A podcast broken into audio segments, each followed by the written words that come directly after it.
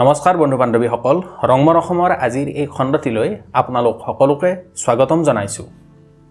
দুহেজাৰ একৈছ বৰ্ষৰ পাঁচ জানুৱাৰী তাৰিখে ভাৰতৰ প্ৰধানমন্ত্ৰী নৰেন্দ্ৰ মোদী ডাঙৰীয়াই কেৰেলাৰ কোচিৰ পৰা কৰ্ণাটকৰ মাংগালুৰুলৈ চাৰিশ ঊনষাঠি কিলোমিটাৰ দীঘল এক প্ৰাকৃতিক গেছৰ পাইপলাইন মুকলি কৰে। উক্ত অনুষ্ঠানটিত বক্তৃতা প্ৰদান কৰি প্ৰধানমন্ত্ৰীজনাই কেন্দ্ৰীয় চৰকাৰৰ শক্তি সম্পৰ্কীয় ৰোডমেপখন জনসাধাৰণৰ ওচৰত উপস্থাপন কৰে। ইয়াৰ জৰিয়তে কেন্দ্ৰীয় চৰকাৰৰ শক্তি সম্পৰ্কীয় প্ৰাথমিকতাসমূহ যেনে পৰিষ্কাৰ প্ৰাকৃতিক গেছৰ ব্যৱহাৰৰ অংশীদাৰিত্ব দুগুণলৈ বৃদ্ধি কৰা শক্তিৰ উৎসসমূহৰ বিভিন্নতা অনা সমগ্ৰ দেশকে এক দেশ আৰু এটা গেছ গ্ৰীডেৰে সংযোগ কৰাৰ লগতে সমগ্ৰ দেশবাসী আৰু উদ্যোগসমূহক সহজলভ্য শক্তিৰ যোগান ধৰা ইত্যাদিৰ বিষয়ে অৱগত কৰায় তেখেতে আৰু কয় যে আত্মনিৰ্ভৰ ভাৰতৰ স্বপ্ন সাকাৰ কৰাত প্ৰাকৃতিক গেছ ভিত্তিক অৰ্থব্যৱস্থা অতি আৱশ্যকীয় আৰু এই ক্ষেত্ৰত এক ৰাষ্ট্ৰ আৰু এক গেছ গ্ৰীড প্ৰকল্পই গুৰুত্বপূৰ্ণ ভূমিকা পালন কৰিব। তেখেতে কয় যে এই পাইপলাইন প্ৰকল্পই অকল পৰিষ্কাৰ শক্তি উপলব্ধ কৰোৱাই নহয় নগৰ গেছ প্ৰকল্পৰ উন্নয়নতো সহায় কৰিব। ভাৰত চৰকাৰে এক লক্ষ্য স্থিৰ কৰিছিল যে দেশৰ প্ৰয়োজনীয় মুঠ শক্তিৰ পোন্ধৰ শতাংশ বিশুদ্ধ শক্তিৰ উৎস প্ৰাকৃতিক গেছৰ পৰা লোৱা হ'ব। কিন্তু বৰ্তমান সময়ত প্ৰায় ছয় শতাংশ প্ৰয়োজনীয় শক্তিহে প্ৰাকৃতিক গেছৰ পৰা লোৱা হৈছে। গতিকে এখন দেশ আৰু এক গেছ গ্ৰীড প্ৰকল্পৰ দ্বাৰা এই পোন্ধৰ শতাংশ লক্ষ্যত উপনীত হোৱাত সহায়ক হ'ব। ইয়াৰ উপৰিও এক ৰাষ্ট্ৰ আৰু এক গেছ গ্ৰীড প্ৰকল্পৰ জৰিয়তে প্ৰাকৃতিক গেছক উৎসৰ পৰাই প্ৰত্যক্ষভাৱে উপভোক্তাৰ ওচৰলৈ লৈ যোৱা হ'ব। ইয়াৰ ফলত প্ৰাকৃতিক গেছৰ ব্যৱহাৰ বৃদ্ধি হ'ব আৰু আঞ্চলিক অসমানতা দূৰ হ'ব। কাৰণ আগতে দেশৰ যিবোৰ অঞ্চলত প্ৰাকৃতিক গেছ সহজলভ্য আছিল সেই ঠাইবোৰতহে ইয়াৰ প্ৰচলন আছিল।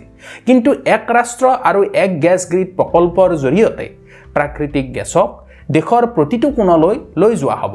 ফলত প্ৰাকৃতিক গেছ সমগ্ৰ দেশত সমভাৱে বিতৰণ হ'ব।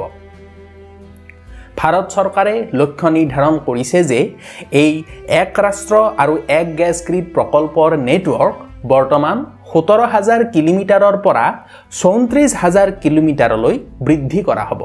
শেহতীয়াকৈ নিৰ্মাণ কৰা কেৰেলাৰ কোচিৰ পৰা কৰ্ণাটকৰ মাংগালুৰুলৈ চাৰিশ ঊনষাঠি কিলোমিটাৰ দীঘল প্ৰাকৃতিক গেছৰ পাইপলাইনে বৰ্তমান মুঠ পাইপলাইন নেটৱৰ্ক সোতৰ হাজাৰ নশ কিলোমিটাৰলৈ বৃদ্ধি কৰিছে। অনাগত চাৰিৰ পৰা ছয় বছৰৰ ভিতৰত বাকী থকা ষোল্ল হাজাৰ কিলোমিটাৰ পাইপলাইনৰ নিৰ্মাণ কাৰ্য সম্পন্ন কৰা হ'ব। এই নিৰ্মাণ কাৰ্য অতি ক্ষীপ্ৰতাৰে কৰি থকা হৈছে। বিশেষকৈ ভাৰতৰ উত্তৰ আৰু পশ্চিম দিশত এই নিৰ্মাণ কাৰ্যৰ প্ৰায়ভাগ কাম সম্পূৰ্ণ হৈছে। লগতে পূব দিশতো অতি ক্ষীপ্ৰতাৰে কাম চলি আছে। উদাহৰণস্বৰূপে জগদীশপুৰ হালদিয়া বোকাৰো পাইপলাইন নেটৱৰ্কৰ কথা উল্লেখ কৰিব পাৰি। প্ৰধানমন্ত্ৰী উৰ্জা গংগা আঁচনিৰ অধীনত ইয়াৰ নিৰ্মাণ সম্পূৰ্ণ কৰা হ'ব। ইয়াৰ নিৰ্মাণ কাৰ্য প্ৰায় অন্তিম স্তৰত আছে। ইয়াৰ নিৰ্মাণ সম্পূৰ্ণ হোৱাৰ লগে লগে আৰু প্ৰায় তিনি হাজাৰ কিলোমিটাৰ পাইপলাইন নেটৱৰ্ক এক ৰাষ্ট্ৰ আৰু এক গেছ গ্ৰীড প্ৰজেক্টৰ লগত যোগ হ'ব। ইয়াৰ উপৰিও দক্ষিণ ভাৰতত অহা ছমাহৰ ভিতৰত পোন্ধৰশ কিলোমিটাৰৰ পাইপলাইন যোগ হ'ব। বিগত বছৰসমূহত ভাৰতৰ শক্তি খণ্ডত বিশেষভাৱে হাইড্ৰকাৰ্বন আৰু নেচাৰেল গেছৰ ক্ষেত্ৰত আমূল পৰিৱৰ্তনৰ সূচনা হৈছে। এই সময়ছোৱাত পুৰণি প্ৰকল্পসমূহৰ আধৰুৱা কামবিলাক সম্পূৰ্ণ কৰাৰ লগতে সেইবিলাকৰ আসোৱাসসমূহ দূৰ কৰাৰ প্ৰয়াস কৰা হৈছে। এক দেশ আৰু এক গেছ গ্ৰীড প্ৰকল্পই দেশৰ কেন্দ্ৰীয় চৰকাৰৰ ৰাজ্য চৰকাৰ ব্যক্তিগত খণ্ডৰ প্ৰতিষ্ঠান ৰাজহুৱা খণ্ডৰ প্ৰতিষ্ঠান আৰু জনসাধাৰণক এক লক্ষ্যৰ দিশত ধাৱমান কৰাত সহায়ক হৈছে। প্ৰাকৃতিক গেছ ব্যৱহাৰৰ ক্ষেত্ৰত এটা গুৰুত্বপূৰ্ণ কথা হ'ল এই যে আমি ক'ৰ পৰা গেছটো পাম? আমি গেছটো পাম এল এন জি টাৰ্মিনেলৰ পৰা। বৰ্তমান সময়ত ভাৰতত পাঁচৰ পৰা ছটা এল এন জি টাৰ্মিনেল আছে। আৰু অনাগত দহ বছৰৰ ভিতৰত ইয়াৰ সংখ্যা ষোল্লৰ পৰা সোতৰলৈ বৃদ্ধি পাব। ঘৰুৱা ব্যৱহাৰৰ উপৰিও কল কাৰখানাসমূহৰ লগতে বিজুলী শক্তি উৎপাদন কেন্দ্ৰসমূহলৈও প্ৰাকৃতিক গেছৰ যোগান ধৰা হৈছে।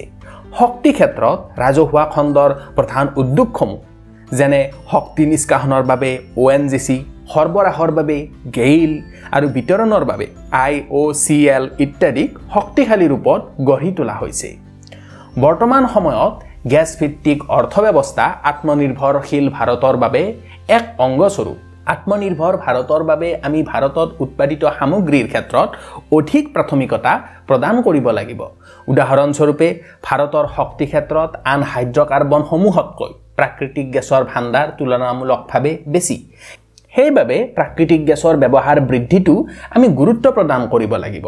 ইয়াৰ উপৰিও প্ৰাকৃতিক গেছৰ ব্যৱহাৰৰ ফলত হোৱা প্ৰদূষণ অন্যান্য হাইড্ৰকাৰ্বনৰ পৰা হোৱা প্ৰদূষণৰ তুলনাত যথেষ্ট পৰিমাণে কম বুলি গণ্য কৰা হয়। সেইবাবে প্ৰাকৃতিক গেছক পৰিষ্কাৰ শক্তি বুলিও জনা যায়। গতিকে প্ৰাকৃতিক গেছৰ ব্যৱহাৰে পৰিৱেশৰ প্ৰদূষণ যথেষ্ট পৰিমাণে হ্ৰাস কৰিব। বৃহৎ উদ্যোগসমূহ আৰু বিদ্যুৎ শক্তি উৎপাদন কেন্দ্ৰসমূহৰ ব্যৱহৃত শক্তিৰ এক বুজন পৰিমাণ আহে কয়লাজাতীয় হাইড্ৰকাৰ্বনসমূহৰ পৰা যাৰ ফলত পৰিৱেশৰ ওপৰত বিৰূপ প্ৰভাৱ পৰে। এই উদ্যোগসমূহত কয়লাজাতীয় হাইড্ৰকাৰ্বনৰ পৰিৱৰ্তে প্ৰাকৃতিক গেছ ব্যৱহাৰ কৰিলে পৰিৱেশ প্ৰদূষণৰ এই সমস্যাৰ পৰা আমি হাত সাৰিব পাৰিম পেট্ৰল ডিজেল আদি ইন্ধনৰ তুলনাত প্ৰাকৃতিক গেছ কিছু পৰিমাণে সস্তা। গতিকে ভাৰতৰ লঘু উদ্যোগসমূহৰ বাবেও ই এক আহাৰ বতৰা।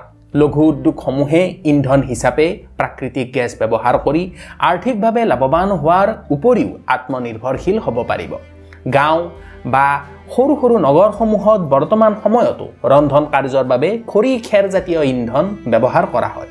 ইয়াৰ ফলত ৰন্ধা বঢ়াৰ লগত জড়িত লোকসকল বিশেষভাৱে মহিলাসকল নানান শাৰীৰিক সমস্যাৰ সন্মুখীন হ'বলগীয়া হয়। প্ৰাকৃতিক গেছৰ ব্যৱহাৰ হ'ল এই সমস্যাসমূহৰ প্ৰত্যক্ষ সমাধান। কিন্তু প্ৰধান সমস্যাটো হ'ল এই গেছক কল কাৰখানাৰ লগতে সাধাৰণ ৰাইজৰ মাজত যোগান ধৰা। এই সমস্যাটো সমাধানৰ উদ্দেশ্যেই ভাৰত চৰকাৰে লৈ আহিছে অভিলাষী আঁচনি এক ৰাষ্ট্ৰ আৰু এক গেছ গ্ৰীড। আশা কৰোঁ আগন্তুক সময়ত এই আঁচনিৰ জৰিয়তে সমগ্ৰ দেশবাসী উপকৃত হ'ব। মৰমৰ বন্ধু বান্ধৱীসকল আজিৰ খণ্ডটোত আমি এক ৰাষ্ট্ৰ এক গেছ গ্ৰীড প্ৰকল্পৰ বিষয়ে কিছু কথা আলোচনা কৰিলোঁ। আশা কৰিছোঁ আপোনালোকে আজিৰ এই খণ্ডটো শুনি ভাল পালে। অহা খণ্ডত পুনৰ এক নতুন বিষয় লৈ আপোনালোকৰ মাজত উপস্থিত হোৱাৰ প্ৰতিশ্ৰুতিৰে আজিলৈ বিদায় লৈছোঁ। আপোনালোকক বহুত বহুত ধন্যবাদ।